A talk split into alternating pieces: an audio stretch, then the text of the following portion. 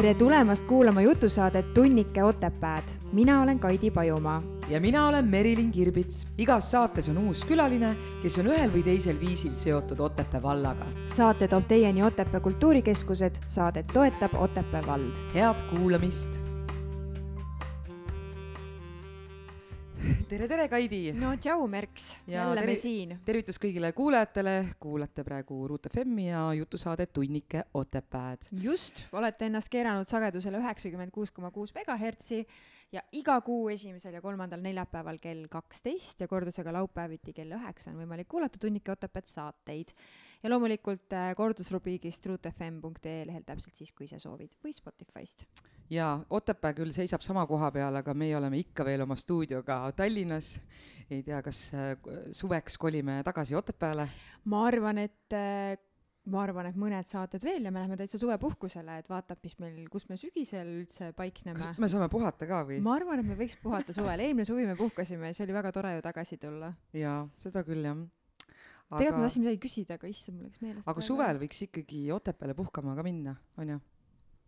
Jah, ei ole ainult nii, et Otepää on talve pealinn, minul on üks erksamaid mälestusi eelmisest või üle-eelmisest suvest, kui ma seal loomejuhina töötasin, et äh, väga toredad äh, peod olid meil ju seal kuuris ja mäletad ju, sinu sünnipäev kas või absoluutselt. Ja me saame oma tänase saatekülalisega rääkida, et kui tihti ta Otepääl käib ja, ja milline, millist elu ta Otepääl kunagi elas. aa, ma tahtsin seda öelda, mul tuli meelde, et tegelikult on see ju hästi tore, et me oleme praegusel hetkel oma viimased äh, kuus saadet nüüd salvestanud just nimelt Tallinnas, et anda võimalus nendele inimestele, kes on kunagi Otepääl elanud, aga nüüd on nagu täiesti lokaalselt nagu ainult Tallinnas, et peegeldada, et kuidamoodi on võimalik siis nii kaugele ta... oma elus jõuda, nagu nemad on jõudnud. just, mitte nagu ma olen ka Tallinnas, mitte just jah, jällegi nii edukas, aga täna on väga edukad inimesed saates ainult. absoluutselt, hakkab siuke kompleks tekkima endale. aga ikkagi, näe, ma oskan ilusasti selgelt mikrofoni rääkida mm. -hmm. aga kalendrit näed sa imelikult see on väga huvitav tõesti. kirjutage meile, kuidas teie kalendrit näete või kuid. mina näen niimoodi, et jaanuarist septembrini on äh, kaheteistkümnest kuueni ja siis ülejäänud kuud on kuue ja kaheteistkümne vahel, et nad nagu ei paigutu ära mitte midagi ei saa aru tegelikult. ei saa aru, kui ma niimoodi seletan või? ei, ei mm., aga, aga see selleks. okei okay,, nagu kell. see on see mhm. visuaalne nägemine ja mm -hmm. mõtlemine, et. aga sa ei ole kuidagi valesti, et sa näed nad ühes jutis. mina näen, kõik on nad üks pikk vorst ja ma muudkui lähen päev-päevalt ja ükski päev vahele ei jää, ükski kuu vahele ei jää mm, -hmm. nii et mhm. vahet pole, kuidas nad paiknevad, ma pean ära elama ikka. lihtsalt rassid sõrmed rakus kogu aeg kuule, aga, aga me ei ole siin täna üldse kahekesi no.. Mm -hmm. Teen siis väikse sissejuhatuse. Mm -hmm. meie tänane külaline on oma eesmärgiks võtnud ehitada Eestis üles maailma juhtiv robootikatööstus. seda pole võimalik teha üksi ning seega on ta koondanud Milremisse väga tugeva rahvusvahelise meeskonna vaba aega see liiga palju just ei jäta, mistõttu püüab seda aega võimalikult palju pühendada oma lastele. tere tulemast saatesse, Kuldar Väärsi! tere päevast! Äh, Kuldar, sina käisid Otepääl koolis ja, ja ma praegu nagu kuulen oma mingite tuttavatelt, et nende lap-, nende lapsed käivad robootikatundides ja asjades, aga aga ma ei mäleta, et kui mina oleksin koolis käinud, et oleks sellelaadseid tunde nagu olnud, et et läheme kohe selle robootika juurde või tehnika juurde, et kuidas see esimene kokkupuude või huvi sul tekkis selle elualaga? See tuleks nüüd pikem jutt. aga, aga, aga kui nüüd nii-öelda kooliaega tagasi minna, siis mm -hmm. tõsi, et ega ka robo-, robootikatunde kindlasti ka sellel ajal ei olnud, kui mina gümnaasiumis käisin, et siis tegelikult alles hakkasid tekkima esimesed arvutiklassid, et, et see oli veel nii ammu et äh, robootika juurde ma tegelikult olen jõudnud kuidagi läbi väga erinevate eluetappide, et ma ikka armastan tuua seda paralleeli või, või näidet, et tegelikult Milrem äh, tegeleb täna robootikaga seetõttu, et Sebe tõi Tallinn-Tartu liinile täistunniekspressid oh,. see on, see on peamine põhjus aa, ja räägi jah, sina ja, oled ju kuidas see või mismoodi need kõige sellega seotud, räägi, kuidas sa ja. sellega seotud oled. et äh, jällegi pikem lugu, aga kui kuskilt otsast pihta hakata, siis tegelikult sellel ajal ma olin äh, CP juhatuse esimees ja meil tuli selline suhteliselt hullumeelne mõte, et tooks Eesti siseliinidele sellised täiesti luksusbussid. ehk siis ekraanidega, mugavad istmed, palju mhm. jalaruumi, kõik selline mõnus, mis võiks nagu inimese tuua siis autost bussi mm. -hmm ja läks väga hästi, eks inimestele see teenus väga meeldis, tänaseni meeldib mm, -hmm. aga see kõik ei ole oluline. et oluline osa on selle juures see, et me otsustasime ka oma selliste riskide maandamiseks äh, siis remondi ja hoolduse jätta busside tootjatehase ehk siis Scania hoolde. mis omakorda tähendas, et meie enda töökojad jäid tühjaks ja tuli otsustada, et kas siis tuleb nüüd kinni panna töökojad või leida mingisugune muu tegevus sinna. ja samal ajal Eesti Kaitsevägi oli otsimas endale just välist partnerit, kes hakkaks hooldama äh, siis nende soomukeid, kuus korda kuus basid ja noh, peale vaadates bussid on suured, soomukid on suured, noh, kui suur see erinevus seal nüüd ikka olla saab?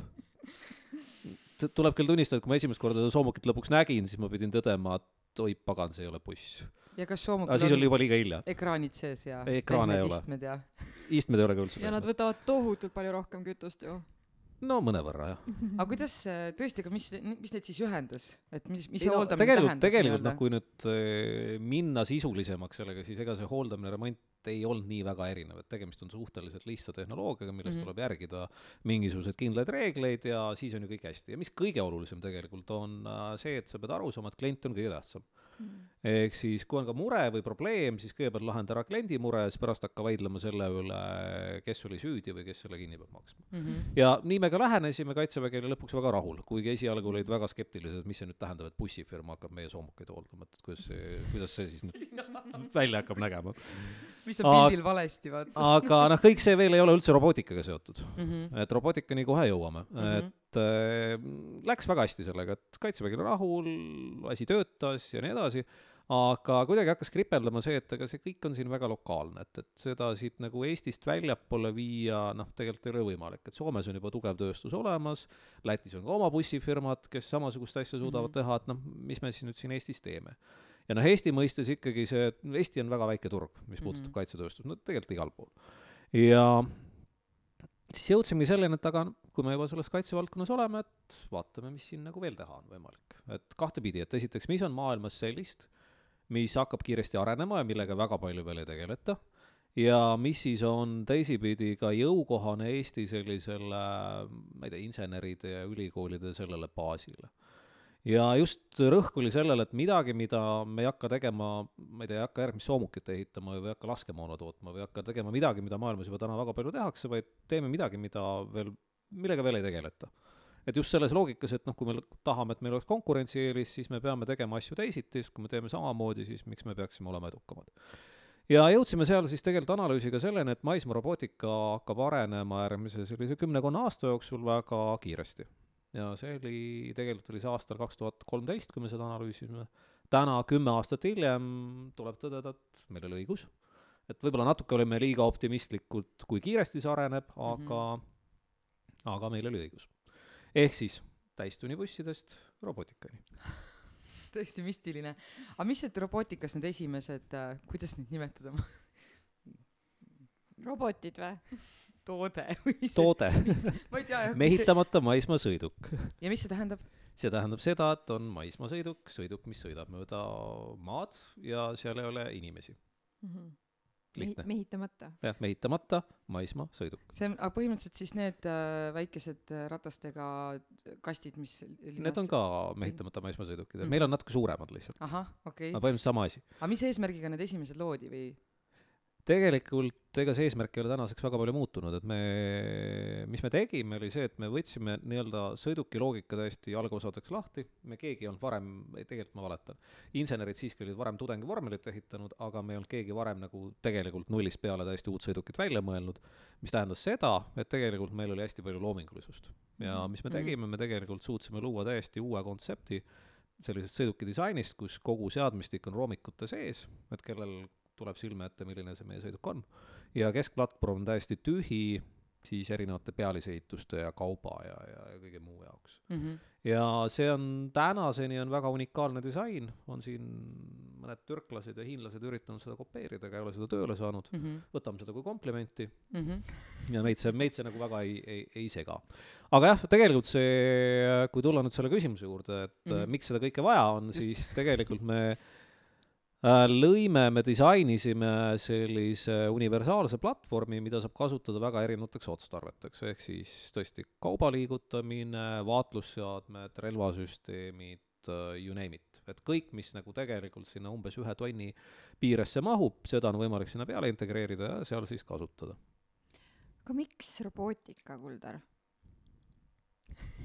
sest see on tulevik kas ühel hetkel otsustasid, see on tulevik ja ma hakkan selle kohta rohkem uurima või sa juba lapsepõlves nagu tajusid mingisugust kirge või huvi selles suunas? ehk siis mu järgmine küsimus sellest on, mida sa õppinud oled?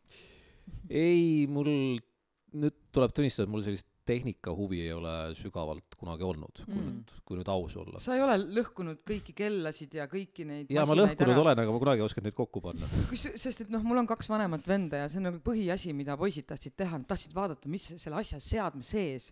Neid lõhuti lihtsalt nagu tehti igasugused raadiod lahti, kellad, mingid kõik masinad, vaadata, kuidas see toimib, kuidas see nagu ma, ma arvan, et nagu ongi kahte tüüpi, et minu huvi lõppes sealmaal, kui ma teada sain, mis seal sees on ja see oli lahti võetud.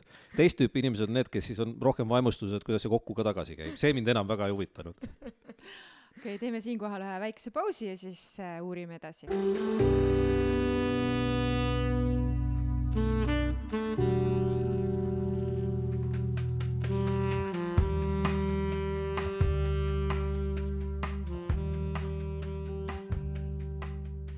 tere tulemast tagasi, see jutusaade Tunnika Otepääd, mina olen Merilin.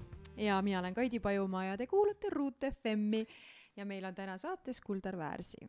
Just, kuhu me jäime, jäime masinate juurde, mida, et sinul huvi kadus, kui sa tegid äh, nii-öelda lahti selle seadme ja nägid, mis seal sees on siis ja just, et see kokkupanemise osas ei olnud enam üldse oluline mind ei ole mitte kunagi huvitanud see, et ma teeks mingisuguse asja lahti ja mõtleks, miks see töötab või kuidas see töötab. mul on oluline, et see töötab. sest see veider, me ennem just rääkisime sellest, et kuidas, et kuidas teie, teil on nagu meeskonnas äh, naisi ka päris suur protsent, on ju, aga ikkagi, kui ma mõtlen ka tagasi sellesse no, nooremasse aega, siis tegelikult just, just poisse nagu huvitas see tehnika ja rohkem see, kuidas see toimib, et et kas sa oskad öelda või oled sa seda uurinud või kuulnud, et miks see nii on tegelikult, et miks mehi rohkem see ei, see ei ole minu teooria üldse, et tegelikult on meie nõukogu liige ja väga hea sõber Taavi Kotka, tema on ju käivitanud selle sellise äh, initsiatiivi nagu Unicorn Squad mm. -hmm. ehk siis tüdrukud robootika juurde. Ja, ja ja, mhm. tema teooria, et ma nüüd vabandan teie ees, kui ma väga eksin äh, selles tõlgenduses, tema teooria on see, et, et poisid on teatud vanuses lihtsalt oluliselt agressiivsemad ja tänu sellele nad saavad rohkem tähelepanu ja nende, tehakse asju nende, nende tegemiste järgi Mhm. tüdrukud tegelikult on sama võimekad ja sama head kõigis äh, ka tehnilistes alades, aga nad jäävad lihtsalt kõrvale, sest poisid võtavad kogu tähelepanu endale ja sellepärast ongi lähenenud selle Unicorn Squadiga ka selliselt, et seal on ainult tüdrukud Mhm. ja teevad tegelikult väga kihvte asju ja see on Mhm. tegelikult on see kasvanud juba väga suureks äh, ettevõtmiseks. Vau. oota, oota, tuleme korra ikkagi selle juurde tagasi, sa ütlesid, et sind ei ole kunagi nagu otseselt huvitatud, huvitanud nagu tehnika või see pool. ja samas sa tegeled sellega sellepärast, et see on meie tulevik, et kas sa siis nagu, kui sa, kui sa pühapäeva õhtul tunned, et homme on nagu esmaspäev, et kas sa siis ta, tajud nagu tülpimust, et pekki, ma ei viitsi tegelikult nagu. kui ma nüüd ausalt tunnistan mm. -hmm. ja, ja siin on nagu selline vabandus minu pere ees, et ega mm. -hmm. mul ei ole tegelikult nädalapäevadel väga suurt erinevust, et Mm. mm., et see on see on nagu väga tihti on küsitud ka seda, et kuidas sa ennast kursis hoiad Mhm. asjadega ja nii edasi, aga tegelikult on see väga lihtne, sest see ongi, see ongi elu, milles ma elan, ehk siis äh, mul ei ole kaheksast viieni tööpäeva või esmaspäevast reedeni töönädalat, et tegelikult ma teen tööd siis, kui on vaja teha Mhm. ja siis, kui on vaja mingisugused äh, nii-öelda probleemid või, või väljakutsed või midagi lahendada. et Mhm. tülpimust ma kindlasti kunagi ei tunne. Mhm. aga see sind ära ei väsita, et ühelt poolt loomulikult sul ei teki ilmselt kunagi sellist nagu rutiini, et iga päev on sarnane eelmisele, aga samas, kui sul ei ole ka väga konkreetset nagu korda, et või noh, mitte, mitte ma ei ütle, et sa elaksid korralageduses, aga ma mõtlen nagu selles suhtes, et, et ei ole kindlalt, vabanda jah, vabanda välja nüüd kindlalt välja kujunenud noh, nii-öelda nagu puhkepäev või pereaeg ja siis on nagu tööaeg, et kas see kuidagi nagu vaimselt ei väsita? Mm, tegelikult vaimselt väsitavad, vähemalt minu jaoks on vaimselt väsitavad tegevused, mis on tüütud Mm. või siis, mis ei paku üldse mingisugust nii-öelda huvi ega naudingut, et siis on tege-, siis ta tüütab ära ühel hetkel mm.. Aga mis tegevused on sinu jaoks tüütud? koristamine. oh jumal, kelle jaoks see ei ole? tegelikult, tegelikult ikkagi noh, tunnistan ka seda, et, et igasugused sellised remonditööd ja selline, kus tuleb midagi kuhugi seina panna mm Mhm. -hmm. või, või midagi parandada, et ma pigem hea meelega jätaks need kellelegi, kellel tuleb see palju-palju paremini välja, et ma tean, et ma võin selle ära teha, aga esiteks ma ei ole õnnelik selle üle, et ma sellega Mhm. tegelen, ja teiseks keegi teine teeks selle ära umbes kümme korda kiirema ajaga. Mhm. Saad aga mida aru- sa täiega, oota, aga mida Jah. sa täiega naudid? nagu uh, nii äge. teeme veel. ja ilmselt kõlab, kõlab nagu selliselt õõnsalt, aga tegelikult ma naudin väljakutseid, ma naudin oma tööd. see on nagu kindlasti üks asi. teine, noh, mida vabal ajal, et vabal ajal kindlasti mulle meeldib jooksmas käia mm, Mhm. -hmm. et see on juba tegelikult kooliajast nii. Mhm. ja, ja kindlasti lastega tegeleda, mängida. Mhm. miks sa arvad, et tulevik on, tehnika on tulevik nii-öelda, et nagu miks meil seda vaja on päriselt või mi-, sest inimesed ei peaks tegelema tüütute korduvate tegevustega, ehk siis kõike, mida on võimalik panna masin tegema, sellega ei peaks inimene tegelema. Ja mitte sellepärast, et inimestel midagi vähem teha oleks, vaid vastupidi, et inimestel oleks rohkem aega tegeleda loominguliste tegevustega, et olgu see siis, ma ei tea, kunst või muusika või olgu see inseneeria või olgu see mingisuguste uute, uute kontseptide väljatöötamine. aga sa ei karda, et need inimesed, kellel võib-olla ei ole nii suurt võimekust luua midagi suurejoonelist või kellele meeldib äh, rutiinne liinitöö, Et et kui me võtame tema töö ära, et siis jah, et siis nii paljud jäävad nagu töötuks ma ei ole, ma ei ole selles kindel, et on, esiteks, et on inimesi, kellele rutiinne liini, liinitöö ainult meeldibki, et pigem on see, et Mhm. nad on sellega harjunud, nad on seda kogu Mhm. aeg teinud. Ja teine pool on nagu, kus me tuleme muidugi nagu päris, päris kaugemale, on see, et eks see on väljakutse meie haridussüsteemile, et ma Mhm. ei tahaks sugugi öelda või uskuda, et äh, osa inimesi on kuidagi andetud või kuidagi nagu ei, ei sobigi muud tegema kui liinitööd, et see kindlasti on vale. et nad saaksid avastada ennast hoopis teisest küljest nii-öelda et noh, kui me ajaloos läheme tagasi esimese tööstuse revolutsiooni juurde, siis ju arvati ka, et, et kui nüüd tulevad manufaktuurid, et siis on kõik, kõik Mhm. on väga pahasti ja ühiskond kukub kokku.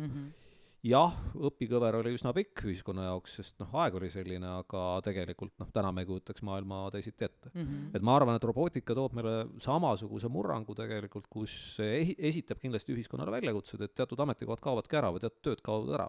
Mhm. et noh, ma arvan, et öö, üks esimesi, mis kõigile silme ette tuleb, et ilmselt me poes müüjaid varsti enam ei näe üldse.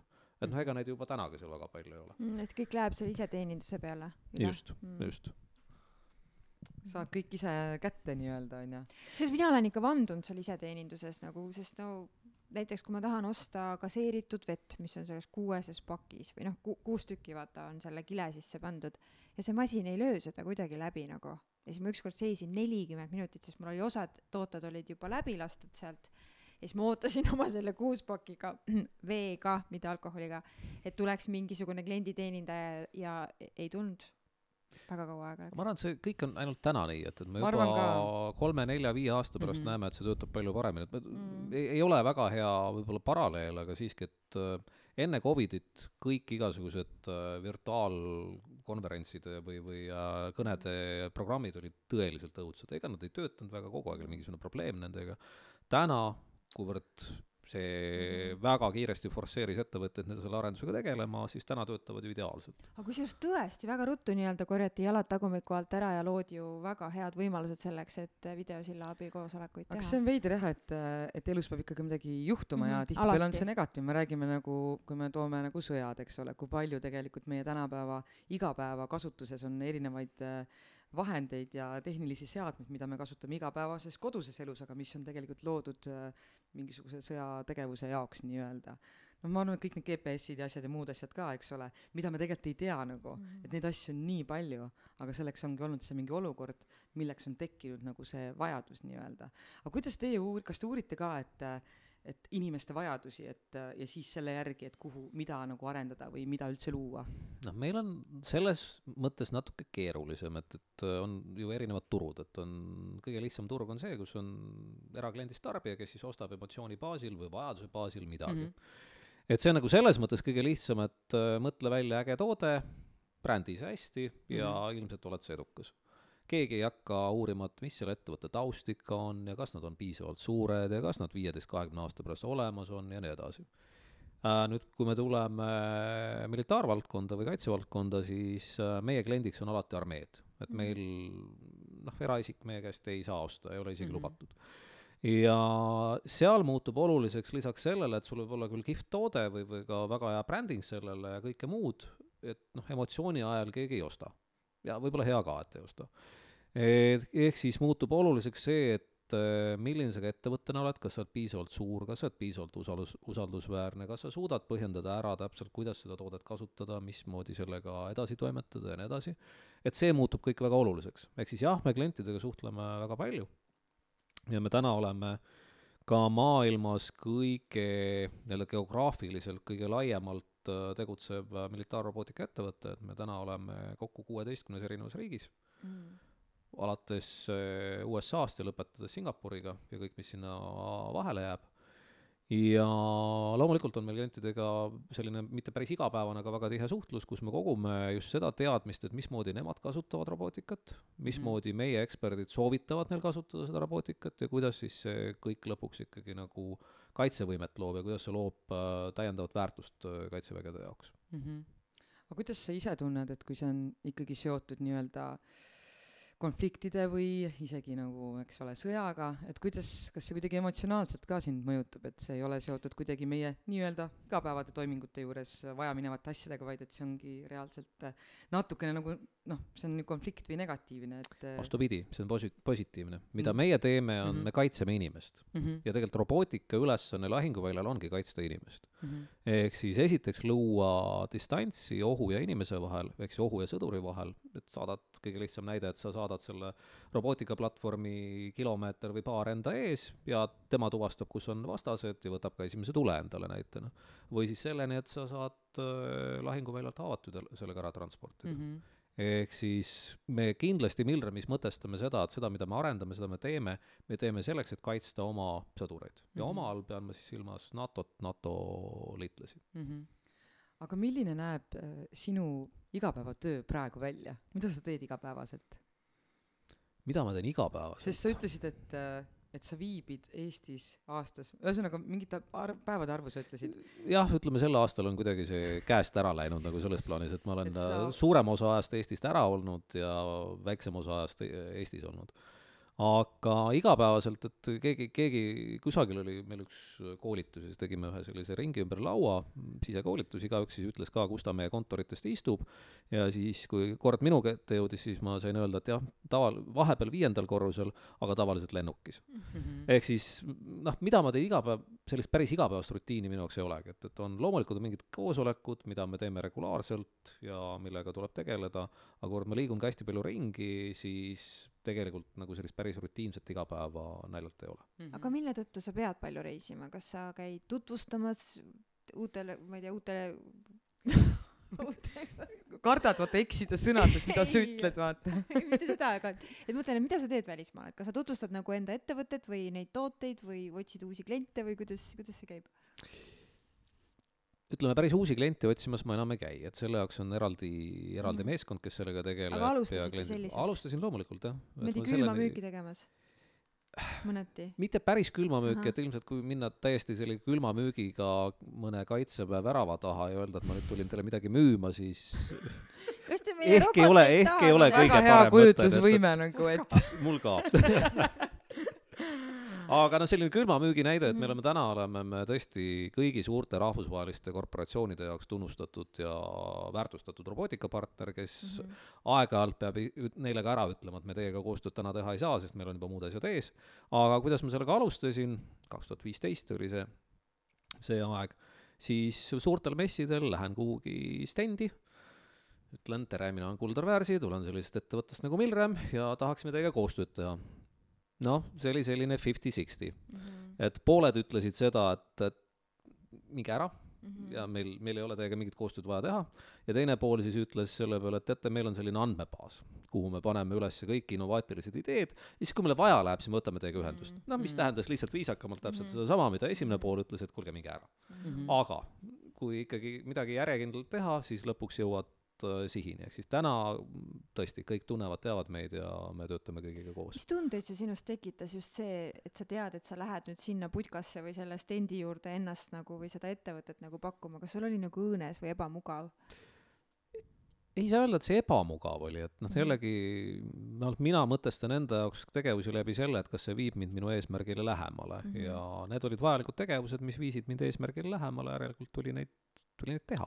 ma arvan, et sa oled ka siis sedasorti inimene, kellel oleks sobinud USA-s neid raamatuid müüa niimoodi ukselt uksele, et see ei oleks sinust tekitanud nagu sellist tegelikult, tegelikult see on nagu noh, ongi selle asja enda jaoks lahti mõtlema, see, see oleks sellisel juhul minu töö. nagu väljakutse, sa ütlesid sulle ei, ta ei ole, ta ei ole isegi väljakutse, see on minu töö.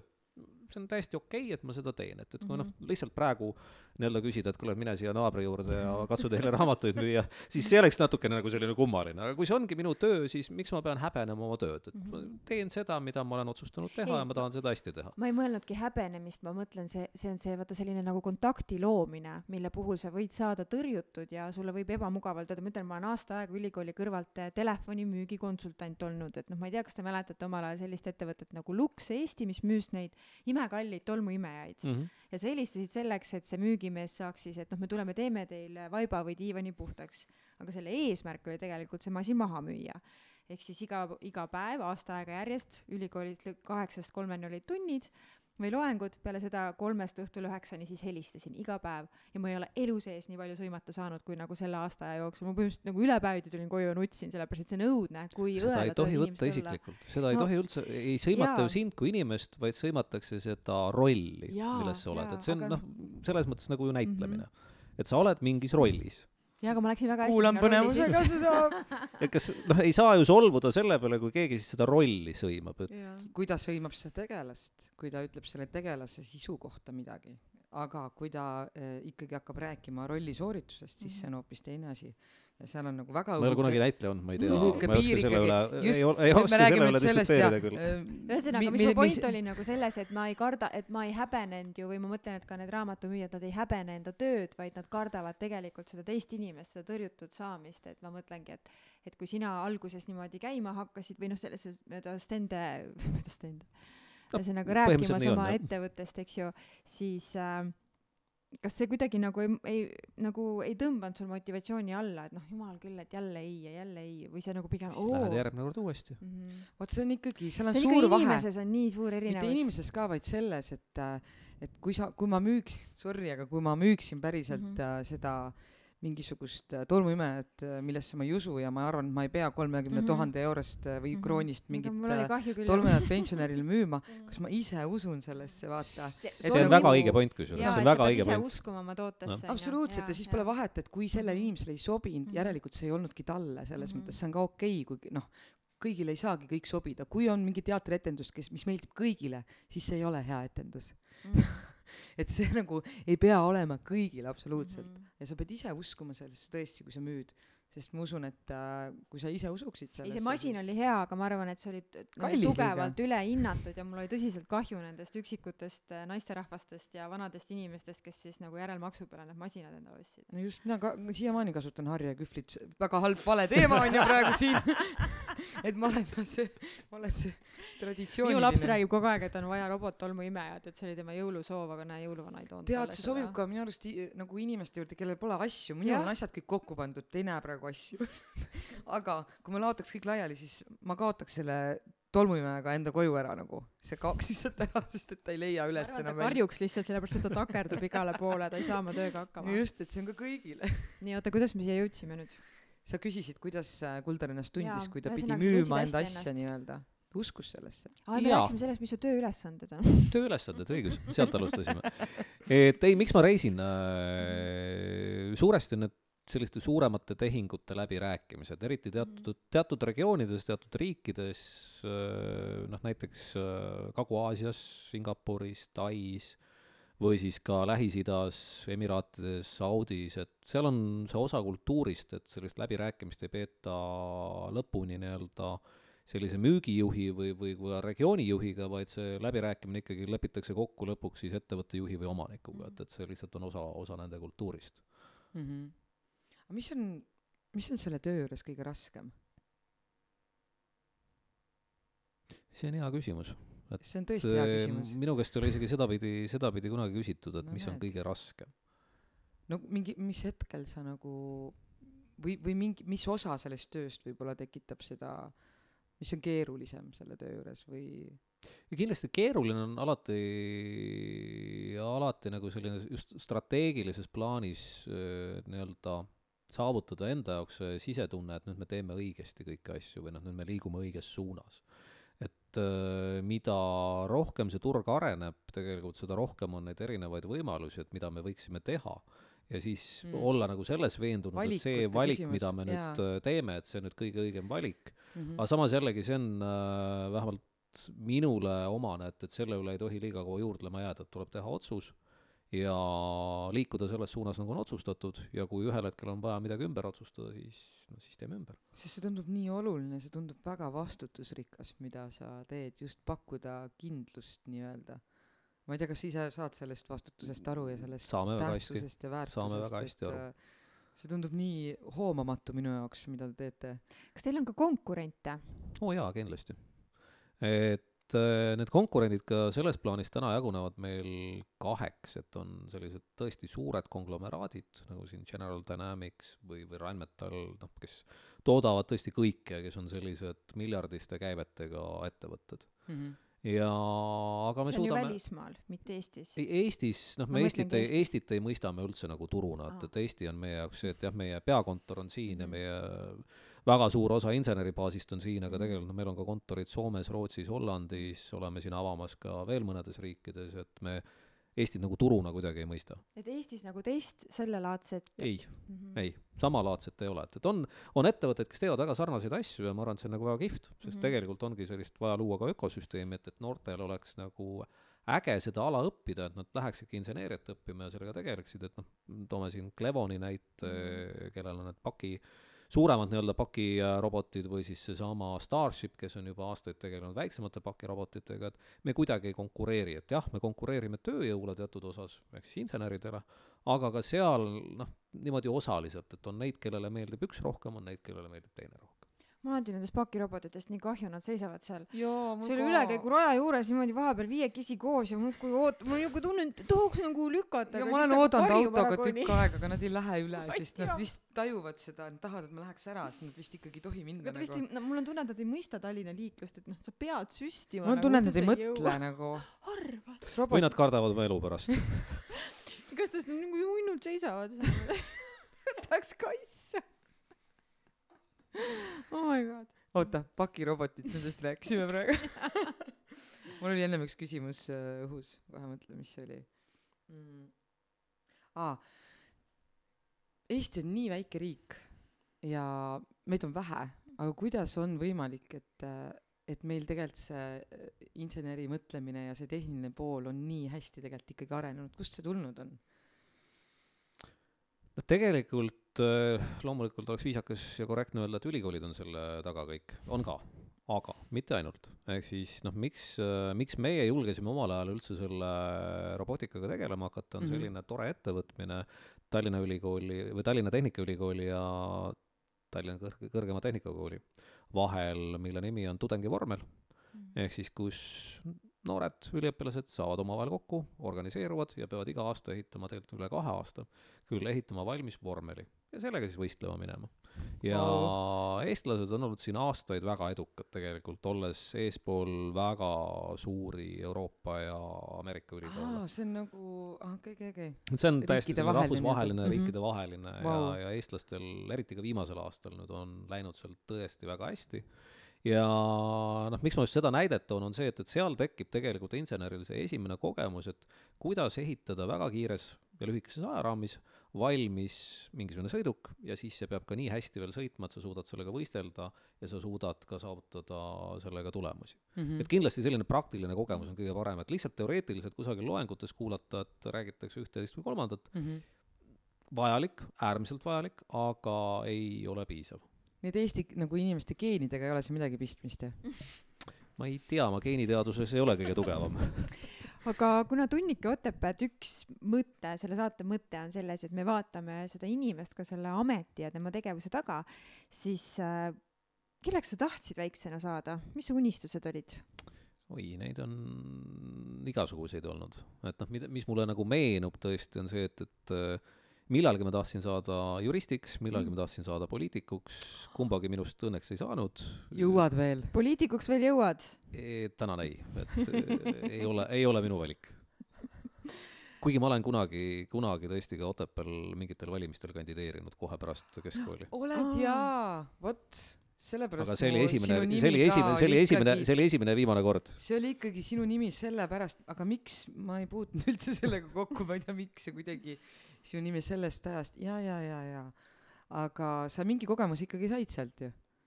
Või sa lihtsalt panid endale numbri külge ja see oli kõik ei veel? päris nii lihtne see kõik ei Ei olnud, et, et oli natuke keerulisem, et sain mingi kogemuse, aga olen nii-öelda elu käigus jõudnud selle arusaamani, et, et mm. -hmm. selline poliitiku või päris nii-öelda avaliku elu tegelase elu ei ole, ei ole see, mida mina soovin. ma just hiljuti ühe sõbraga nagu rääkisin sel teemal, et minu meelest või noh, meie meelest võiksid kõik inimesed, kes Riigikogusse kandideerivad, teha tööd tasuta. ehk siis see on sul auküsimus. mina see küll ei olnud, kellega sa rääkisid, ei aga, ei, ei olnudki sina, aga ma lihtsalt ütlen, et võib-olla siis kandideeriksid sinna inimesed reaalselt, kes nagu ka aitaksid Eesti rahvast ja Eesti riiki, mitte ei mõtleks lihtsalt, et oo oh, jess, ma olen sooja koha peal. okei okay,, aga see selleks. kui tihti sa mm, Otepääle ja sinna Lõuna-Eesti kuplite vahele üldse satu-, satud? tuleb tunnistada, et häbiväärselt harva. Et ma arvan, et kui ma aastas korra või kaks sinna satun, siis mm Mhm. -hmm. on see ka hästi, hästi arvatud. no kuidas või, või mil-, mille tõttu sa sealt Otepäält ära kolisid või läksid sa väga kooli? lihtsad, väga lihtsad põhjused, ehk mm -hmm. Mhm. siis tulin Tallinnasse õppima ja siis loomulikult siia jäingi. Mhm. mida sa õppima tulid? See on ka pikem lugu tegelikult, et äh, ma vaatasin jah, et sa ennem ei vastanud mulle kohe nagu, ma mõtlesingi, et siin on vist mingi lugu taga. et olin äh, peale keskkooli või peale gümnaasiumit olin Mhm. äärmiselt enesekindel mm. -hmm. et äh, saan sisse Tartusse politoloogiasse. Mhm. ega väga nii-öelda sisseastumiseksamite peale ei mõelnud, tegelesin muude asjadega samal ajal, ei hakka täpsustama. ja tulemus oli see, et viisteist kandidaati võeti vastu, mina olin kaheksateistkümnes, ehk siis täp-, täpselt sinna joone taha. Mhm. siis, mis tähendas seda, et tuli edasi vaadata, mis siis nüüd edasi saab. ja lõpetasin sellega, et läksin õppima Tallinnasse majanduskooli äh, juurat, õppisin aasta seda mm. -hmm. siis äh, sain aru, et, et see kõik ei ole minu jaoks, et Mm. mm. äh, ma, ma ei taha hakata selgitama, et miks üks seadus on selline või teistsugune, Mhm. vaid ma, ma tahan ikkagi sellise avaliku halduse ja politoloogia juurde liikuda mm.. ja siis kandideerisin Tallinna Ülikooli, sain sinna sisse, ehk siis õppisin avalikku haldust äh, Tallinna Ülikoolis. Et kui keegi nüüd küsib, mis on avalik haldus mm, Mhm. eks Siis, äh,, jõuame selleni. siis minu soovitus on see, et ärge, ärge seda õppima minge. see oli ja on üks kõige populaarsemaid erialasid üldse, kus on selline umbes kakskümmend, kolmkümmend kandidaati ühele, ühele kohale. aga tegelikult noh, kui sa lõpetad ära juura, siis sa oled jurist, kui sa lõpetad ära arstiteaduskonna, sa oled arst. Mhm. kui sa lõpetad ära avalik ava- avaliku haldus? halduse, kes sa siis oled? avaliku, avalik haldaja. see on sama hea siis, kui mina otsisin, et mida minna õppima ja mäletan, ma käisin Tallinna Ülikoolis, tahtsin filosoofiat minna õppima psühholoogia kõrval ja siis äh, käisin siin avatud uste päeval üks imeilus noor mees, ma arvan, ta oli mingi teise või kolmanda kursuse filosoofia tudeng, nii ilusat juttu rääkis. siis tulin koju, ütlesin issile, et mina lähen filosoofiat Tallinna Ülikooli õppima siis ta ütles, mida sa teed sellega, kellest sust saab. siis vahet ei ole, nii ilus poiss oli aga ei, filosoof. ma ei läinud, no täpselt sa ei kujuta ette, kuidas ta, ma veel kirjutasin talle, et nii hea nagu sissejuhatav loeng oli, ta kirjutas mulle hästi pika kirja vastu, aga ma muidugi aru ei saanud, sellepärast et see oli väga kas sa filosoofiline. loengust said aru midagi või? vahet ei ole, ta oli nii ilus lihtsalt. ma ütlen, mina puutusin ka äh, Viljandi äh, Kultuuriakadeemias filosoofiaga esimest korda kokku ja ma olin siuke maatüdruk, kes äh, läks teatrikooli ja siis tuli filo-, filosoofiatund ja ma kuulan seda õppejõudu ja ma mõtlesin, ma pole mitte kunagi niimoodi mõelnud. Ma isegi ei osanud, sest et ei olnud tekitatud varem seda Mhm. teisiti mõtlemist nii-öelda, see oli minule ülikoolis filosoofia meeldis. ma ei, ma ei imesta üldse, aga noh, Mhm. vaata, võrdle meid, me oleme täiesti erinevad. ei saa küsimusest aru. aga, aga see, et ähm, kui olla ühest väikesest kohast pärit nii-öelda, et kas sa, kui sa peaksid mõtlema selle aja peale, kui sa Otepääl äh, nagu koolipõlve veetsid, et, mis see väiksest kohast pärit olemine nagu annab, kas see, kas sa oleksid keegi teine, kui sa oleksid linnas kuskil sündinud või kasvanud? ma, ma nagu pigem usun sellesse, et kindlasti me kõik oleksime keegi teine, kui me oleksime kusagil mm. -hmm. mujal olnud mingil hetkel ja kui me oleks oma elus ka mingeid muid valikuid teinud, ilmselt me oleks jõudnud teise punkti välja mm. -hmm. -hmm. mis äh, noh, minu jaoks tähendab seda, et ma olen väga õnnelik nende valikute üle, mida ma olen teinud, ka valede valikute üle Mm -hmm. ja samamoodi ma olen ka väga õnnelik selle üle, et kust ma pärit olen, et tänu sellele ma olen see, kes ma olen. mis see tähendab?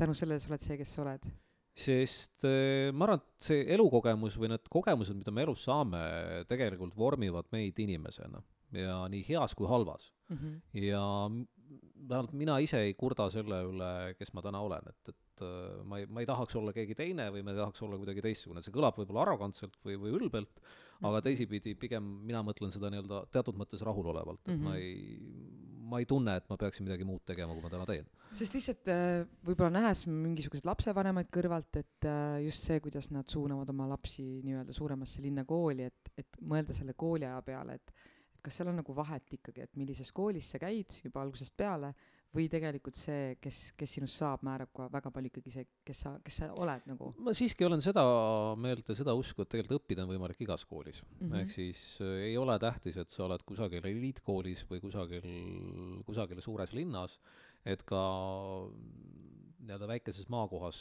saab tegelikult väga hästi õppida ja olla väga, väga edukas. absoluutselt, aga sa tundud selline väga korralik, kas sa, milline sa kooli ajal olidki sihuke viks ja viisakas ja viieline ja selline, ei ole, ta just ütles ennem, et oli, olid jah? et ta just ütles, et oli mingeid asju, millest ta ei räägiks, mis oli seal keskkooli ja oli ülikooli keskkooli vahel. ja ülikooli vahel, jah. aga ei, tegelikult jaa, ei ma käisin ka gümnaasiumi ajal äh, ülikonnaga päris palju. Päriselt? lipsu, lipsu päris ei olnud ja räägin. koolis päris lipsu päris ei see olnud. ei, see ei tule kuskilt koolitunnist või kasvatusest, see tuleb ikkagi, see inimene lihtsalt ei, kuidagi, aga kust see tuleb, et sa niimoodi ei ülikonnaga, tahtsid tundus, kooli tundus hea minna? mõte. oot, millega su vanemad äh, tegelesid? mu ema on pereõde oli pereõde aa, ja, ja, ja ja enamasti ma olin ka viieline jah. mm. -hmm. aga ta võib maru rahul küll olla, et poeg nii kaugele jõudnud on. tahaks loota, ilmselt ta küll ootaks, et ma tihedamini Otepääl käin, kahjuks jah. Ma ei tea, Kaidi, kuidas sina nagu tunned, et kui su lapsed suureks kasvavad ja nii harva käivad, et kui sa peaksid praegu selle peale mõtlema, et kas sa pigem oleksid ju uhke selle üle, et äh, mis nad äh, no kuule, mina saan iga nädal üle nädala vanemate käest seda, miks sa nii harva käid ja miks sa ei helista iga nädal, ma ütlen, kui igatsed, siis võta telefon ja helista. et me, ma olen lihtsalt noor, mul on lapsed, mul on miljon töökohta, et mul lihtsalt noh, mul ei teki, mul, mul ei tule nagu, ma mõtlen neile iga päev, aga lihtsalt see, et ma võtan selle aja, helistan, et noh, ei leia. mm. -hmm. aga kui sa oled seitsmekümnendates ja elad maal, on ju, sul ongi palju aega, et noh, võta kätte ja helista. Mm -hmm. et noh, ma loodan, et kuigi ma tean, et tüdrukutel on võib-olla kombeks nagu rohkem helistada ja kontakti hoida, et kuna mul on kaks poega, siis äh, pean mina hakkama vist neile rohkem helistama, ma arvan. aga ei, muidugi selles suhtes, et peaasjana, et nad on ise õnnelikud ja teevad seda, mis nagu südame rõõmsaks teeb ja, ja me oleme nii palju See on väga rääkinud õige. see on nagu, et noh, kui käivad, siis käivad nii tihti, kui on vaja ja tuleb lihtsalt hea minija leida, vaata. Nagu hakkab see hoiavad. naiste jutt pihta ja mini appi, ma kujutan ette seda missivõistlust, seda missi siin on aega veel, aega veel, väga tead, palju kui aega. kiiresti see aeg lendab, oi kui kiiresti see aeg lendab no tead jah, kui juba küsitakse selliseid soenguid, et jah. laste Mhm, poolt jah mhm. uh.. aga kas sina mäletad, et sul oli kooli ajal ka mingisugune eeskuju või oli keegi sulle eeskujuks? Kui sa seda nüüd niimoodi küsid, siis ega ei tule meelde, võib-olla oli mm. -hmm. ma ei hakka, ei hakka valetama, aga, aga meelde küll ei tule. sa enne mainisid, et sulle meeldib joosta ja siiamaani sa jooksed, et mida, kuidas sa veel ennast maandad, mida sulle veel meeldib teha, kui sul on vaba aega? et teeme siinkohal ühe väikese pausi ja siis äh, vaatame, räägime vabast ajast.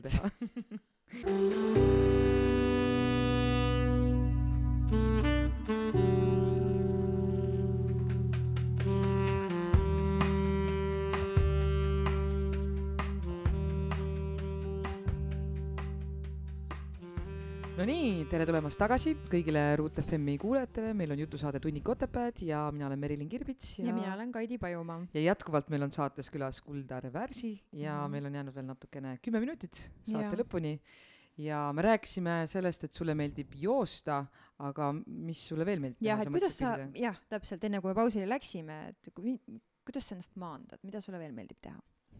Ma arvan, et esiteks mul sellist vajadust ennast maandada on ka suhteliselt vähe, ehk siis mul ei ole, mul ei ole stressi, et äh, mis kõlab kuidas võib-olla niimoodi Ma võimalik elada, issand, juba me enne Meriliniga just rääkisime, me sureme selle stressikoorma alla, kuidas, kuidas sa niimoodi elad?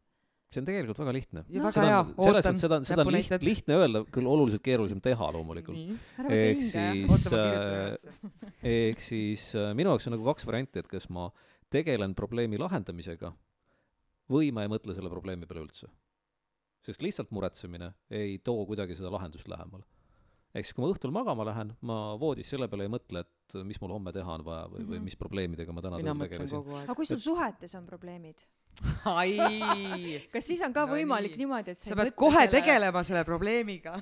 Iga õhtu mõtled. ma, ma arvan, et nii, nii ongi, et tuleb tegeleda selle just, probleemiga mitte. lihtsalt mõelda selle peale, sest kui sa Ei, aga mõtled, see on- kao ära, aga kui on probleem, mida ei saa lahendada, mis sa siis teed? antidepressandid on, ütleb arst, kui sa, kui ei ole probleem, millega, millest sa ma arvan, et ei ole ühtegi probleemi, mida ei ole võimalik lahendada, kõiki probleeme on võimalik aga küsimus on selles, kas lahendused on head, Mhm. mida juhtub harva, või on halvad või väga halvad, aga alati peavad mingid lahendused olema. mm. -hmm. ja ka noh, nii-öelda nende probleemide lahendamise juures minu jaoks on alati see, et, et mul on alati plaan A, on plaan B ja plaan C ja vahepeal mõni veel. Mhm. aga alati loomulikult iga järgmine plaan kehvem kui, kui eelmine, aga ma tean, et kui midagi ebaõnnestub, siis ma saan tagasi tulla mingi muu variandi juurde. aga sa suudad iseennast nagu nii palju kontrollida, et, et kui sul ei ole vaja selle peale mõelda või sa adud, et sellele mõtlemine praeguses ajahetkes sind kuidagi edasi ei vii, sa suudad sellele mitte mõelda. Tead, mulle tunne, et mehed ongi teistsugused. Tegelikult või, sa said nüüd alles aru mul või? ei olegi sa oled vaja ise seda ämbreid kolistanud äh.... ja kolistan edasi, aga mul on tunne, et ma ei peagi lugema seda Mehed Marsilt ja Naised Veenuselt, sest tõesti, teie, teie nagu see süsteem on teistmoodi. absoluutselt, see süsteem täiesti jaa, et ühesõnaga mehed mõtlevadki teisiti ja, ja see on täiesti imetabane oskus tegelikult, et kui sa ei saa praegusel hetkel mingit äh, probleemi lahendada, siis sa lihtsalt ei mõtle sellele, ma olen mitmelt nagu meest tuttavalt küsinud seda, mul on tunne, et te mõtletegi teistmoodi võimalik, ja sellepärast elategi tegelikult kohati nagu stressivabamalt. aga see ongi mõistlik. jaa.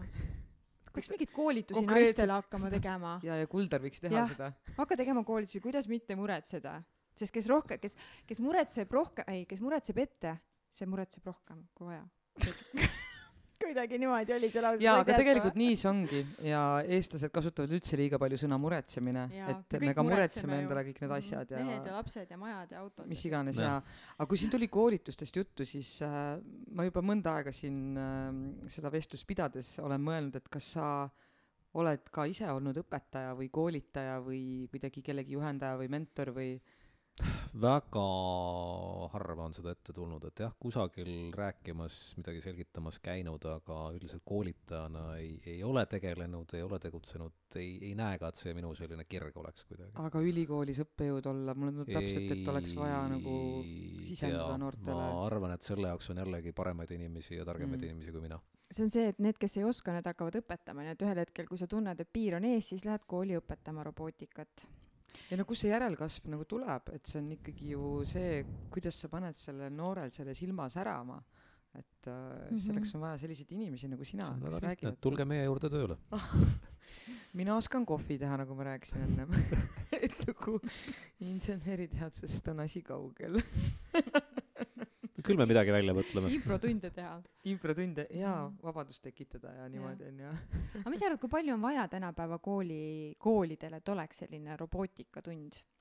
ma arvan, et see on väga mõistlik ja vajalik, et tegelikult mm -hmm. äh, jällegi, kui tulla selle juurde, et mis ametikohad tulevikus jäävad või mis saavad oluliseks, inseneeria kindlasti on üks nendest, ehk siis me me peame suutma ise luua uusi lahendusi, ehk siis seda robotid inimeste käest ära ei võta. Mhm. küll jah, see muutub üha keerukamaks, ehk siis jällegi lihtsamaid funktsioone, lihtsamaid asju tegelikult teevadki masinad, aga keerulisemaid arhitektuure ja disaine mõtlevad ikkagi jätkuvalt välja inimesed mm. -hmm. ja siin on just see oluline, et, et juba lapsed tuua selle juurde, et näidata, et tegelikult robootika või ka inseneriteadus ei ole mingi selline teoreetiline asi, vaid tegelikult see annab sulle võimaluse, et sa oma kätega lood uusi, uusi asju Mhm. ja sa näed, kuidas need töötavad, sa näed, Mhm. mida need suudavad teha.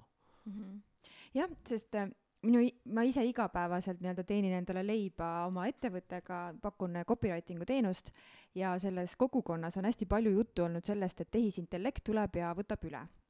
Et äh, juba tänasel päeval on niimoodi, et kui sa paned mingisugune, on sellised programmid, et kirjutad mingi pealkirja, mille põhjal on vaja koostada siis mingisugune essee või kirjatükk, et see tehisintellekt, ta, ta suudab nagu nii hästi seda luua, nagu see oleks juba inimese loodud, et äkki varsti nagu copywriterit ei olegi enam vaja. aga mul on nagu tunne, et tegelikult see robot, ta võibki väga hästi ja ilukirjanduslikult sulle selle teksti valmis kirjutada, aga ta ei suuda luua seda emotsiooni või empaatiat või seda mm, reaalset kliendi mure, mille noh, millele toetudes tegelikult copywriter nagu loob tekste. et võib-olla mitte nagu võidelda selle tehisintellekti vastu, eks ju, et oo, et jumala eest me ei tohi seda kasutada ja kirjutajad peavad ikka jääma kirjutajaks, vaid leidma nagu need punktid, et kuidas on võimalik koostööd teha. et kasutada võib-olla tema mingisuguseid eh, nii-öelda tehisintellekti nagu vaatenurki asjadele, aga samas siis mina inimesena loon sinna seda emotsiooni nagu juurde ja saab palju terviklikum tekst äkki et võib-olla see ongi nagu meie tulevik. ma arvan, et see on väga mõistlik lähenemine, ehk siis tegelikult mm -hmm. äh, esiteks, et tehnoloogia arengu vastu pole kunagi mõtet võidelda, et mm -hmm. ei tea mina ajaloos ühtegi edukat näidet sellest, et kõik alati on lõppenud tehnoloogia arengu võiduga mm. -hmm. ja teisipidi, kui me vaatamegi tehisintellekti, robootikat, siis selle mõte on see, et nad teeksid ära inimeste eest selle lihtsama töö ehk siis see, mis on keerukam, nõuab rohkem loomingulisust, see jääb niikuinii inimestele mm. -hmm. ja siis on ka nende loomingulisemate inimeste, meeste ülesanne siis rakendada siis see ai või, või mm -hmm. ka robootika enda hüvanguks, eks, kuidas ta teeb ära need lihtsamad korduvad tegevused mm, -hmm. mis lõpuks tegelikult suurendab tööviljakust, ehk siis sa ühes tunnis teed oluliselt rohkem mm. -hmm. ma tõesti mõtlen praegu, et kui ma saaksin oma elus asendada palju tegevusi mingisuguse tehnilise lahendusega, siis kindlasti ma saaksin magada, näiteks ma igatseksin sellist autot tõesti, kus ma saaksin magada, ma üksinda sõidan, aga Tallinnast Tartusse, eks ole. ma arvan, et see on suurepärane, suure, ma tean ühte sellist autot, kus saab ise magada, see on täistunni ekspress see ei lähe Otepääle. ta ei lähe õigel kellaajal ja selles mõttes nagu mul ei jää muud üle. iga täistund. pean kui saate aru, mis ma, mis ma mõtlen, eks ole, et mul jääks nii palju aega rohkem puhata ja tegeleda nii-öelda loomingulise poolega, et kui ma mõtlen kõik need tehnilised asjad, millega saaks lahendada. see on, selles mõttes on see väga hea näide, et, et miks nii-öelda isesõitvad või isejuhtivad autod tegelikult oleksid väga mõistlikud mm -hmm. vajalikud mm. -hmm. et ega see rooli keeramine ei ole nagu see, mida inimene ju teha tahab, noh mm -hmm. kindlasti ka tahab, teatud olukordades on see äge mm. -hmm. aga tegelikult tahaks selle kaks tundi või kaks pool tundi veeta hoopis, ma ei tea, kas tööd tehes, meili lugedes mm, -hmm. raamatut lugedes või kasvõi magades tegelikult. absoluutselt, kui palju tunde läheb tegelikult raisku sõidu peale, ma sõidan praegu iga nädalavahetus, olen sõitnud äh, Otepääle, et see on nagu metsikus äh, arvus tunde, mis ma olen veetnud lihtsalt nagu roolis ja ma ei saa mitte midagi muud teha mm -hmm. nagu, ainult mõelda saan ja ülemõtlemine ei ole minu puhul kõige parem tegevus tihtipeale et kui saaks midagi kasulikku selle ajaga, ma mõtlen ainult kogu aeg, et mis mul kõik tegemata on selle aja peal mm -hmm., teen seda nimekirja nii-öelda, kohale jõuad, oled nii väsinud, et ei jõua mm -hmm. enam teha, et see oleks nii hea. et kindlasti noh, mina oma elus võiksin leida küll neid lahendusi ka juurde, noh, mul isegi pole nõudpesumasinat praegu, et ma nagu kogu aga see on nii rahustav tegevus, nõudepese. ma vihkan kõige rohkem nõudepesemist, siis kuradi soe vesi. see on väga meditatiivne tegevus. oleneb, kuidas võtta, onju. mina ei suuda mõnuga. seda võtta kui meditatiivset tegevust me oleme jõudmas oma saate viimaste minutitini, enne kui ma küsin täiesti viimase küsimuse, siis ma küsiks seda, et äh, kas sul on tänasel hetkel mingisugune unistus, millest sa oled äh, valmis ka avalikult äh, rääkima? Ma arvan, et tegelikult sa alustasid ka seda saadet selle unistusega, et minu eesmärk ongi Eestis üles ehitada maailma juhtiv äh, robootikaettevõte ja robotikatööstus, vähemalt kaitsetööstuse või kaitsevaldkonnas, ja ma sellega ka tegelen, ehk siis ma jällegi, et ma ei ole see, kes unistab mm, -hmm. vaid ma pigem näen visiooni ja siis ma hakkan tegutsema selle visiooni nimel. kas sa arvad, et see on saavutatav? jaa, kindlasti. mis ajaga? ma arvan, et järgmise kümne aasta jooksul ja siis sa puhkad? ei puhka Merilin, kas sa tahad veel midagi küsida või me liigume viimase küsimuseni? me võime vist minna viimase küsimuse juurde, ma arvan, aga mm lihtsalt mul, Kuldar mõjub nii rahustavalt, et mul on mhm. tunne, et kas sul võiks olla see avatud liin, et kui keegi on nagu endast väljas, siis ta helistab sulle ja sa väga täpselt vastad ära, et kuidas nagu toimetada. ma olen päris head mitu tsitaati saanud, mis ma, ma võiksin oma elus ma olen täitsa kindel, et sellised telefoniliinid on olemas ka ilma minuta vist on jah tavaliselt ma helistan ära, ära lõpeta seda lauset ehm, kas sul on mõni mõttetera või tsitaat, mis on sind äh, kandnud näiteks terve elu või siis, mis on võib-olla lisandunud nüüd viimaste aastate jooksul, millal sa mõtled siis, kui ei ole olnud kõige kergem päev? ma arvan, et mis on mind tegelikult läbi minu karjääri väga erinevates kohtades äh, nii-öelda juhendanud või, või, või mõttena viinud, on see, et tee alati natukene rohkem, kui sinult oodatakse, sest lõpuks seda märgatakse. mis tähendab seda, et kui sa teed ainult nii-öelda selline bare minimum, et sa teed ainult seda minimaalset, mida sinult on oodatud, siis ilmselt on sul keeruline ka eeldada seda, et sa kuidagi edasi liigud või kuidagi sa nagu oled edukas, et sa alati pinguta natuke rohkem mm. -hmm. ja alati pinguta natukene rohkem kui ka sinu meeskond, ehk siis juhi läbi eeskuju jah, seda on ka mu vend mulle mitmel korral öelnud, et, et kui sa midagi teed, siis tee alati natukene rohkem. et lihtsalt, et, et, et sa mitte ei under deliver, vaid sa nagu over deliver'id kogu aeg. nihutad nagu Kuldsed natuke oma, sõnad. oma piire ka, et sa viid kogu aeg ennast natuke mugavustsoonist välja, et see on ainuke asi, mis sind tegelikult ka ju elus arendab edasi. just, edasi viib ainult see, kui sa oma mugavustsoonist välja astud. kui sa püsid mugavustsoonis, siis tegelikult Mhm. ei ole arengut. nii on. Aga suur tänu, et sa tõesti leidsid selle Jaa. aja enda kiire elutempo juures, ilmselt sa lähed kohe lennukile, jah? on väga, oli väga tore. aitäh sulle. aitäh sulle ja jõudu ja ma usun, et ja loodan, et sa saavutad selle, mis sa soovid. millest unistad. kuuleme sinust veel ja veel. aitäh teile. aitäh teile kuulajad, tšau.